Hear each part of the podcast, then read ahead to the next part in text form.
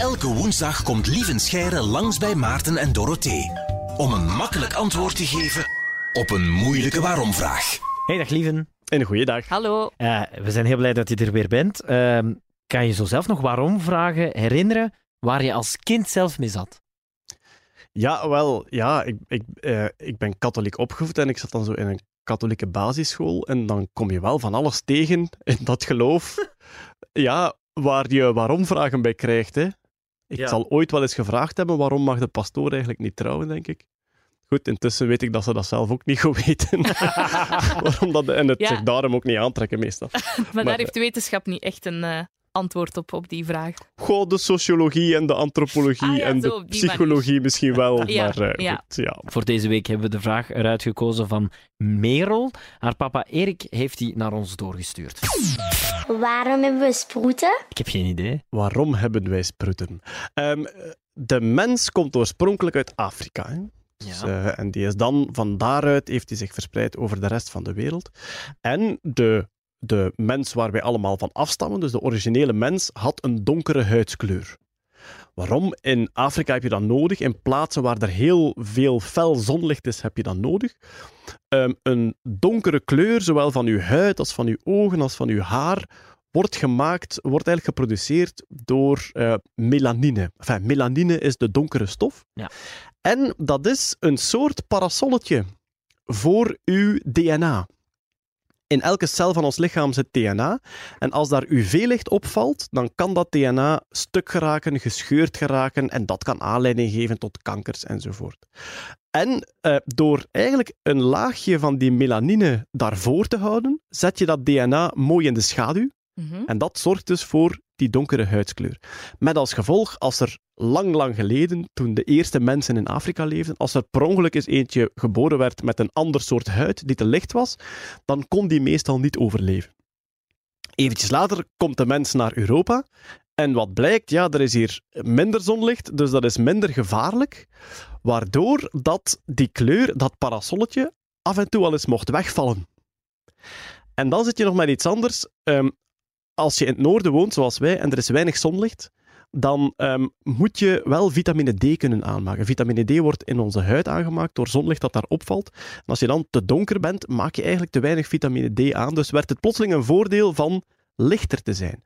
Maar die genen, die, die genetica, die DNA dat ervoor zorgt dat je toch nog die bruine kleurstof ontwikkelt, bleef wel nog een beetje sluimerend actief in ons lichaam.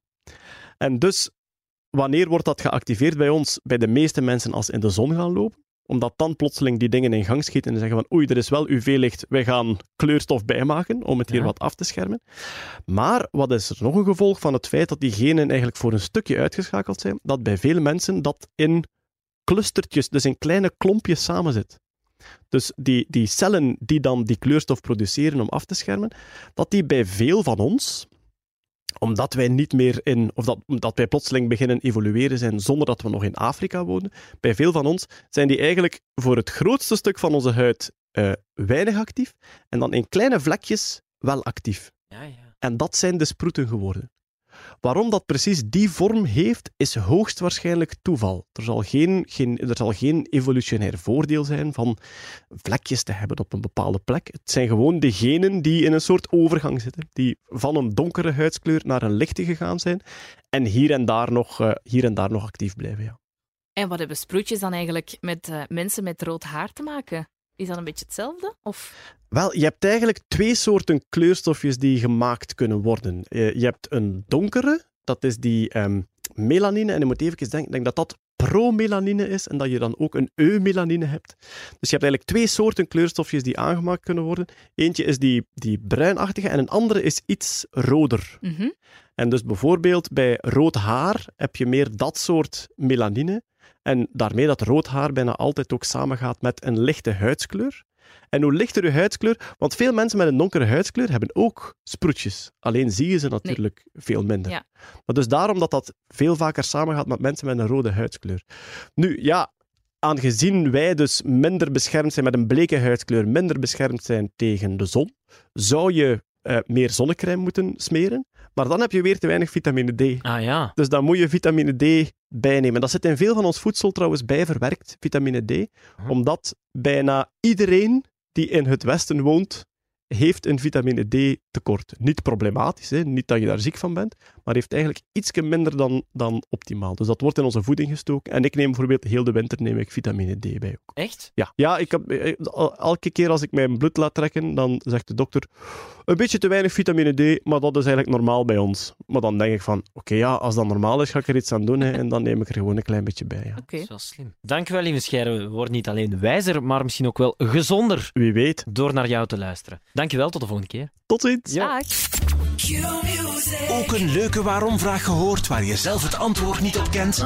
Stuur ze zeker door via de Q-app met de hashtag waarom daarom.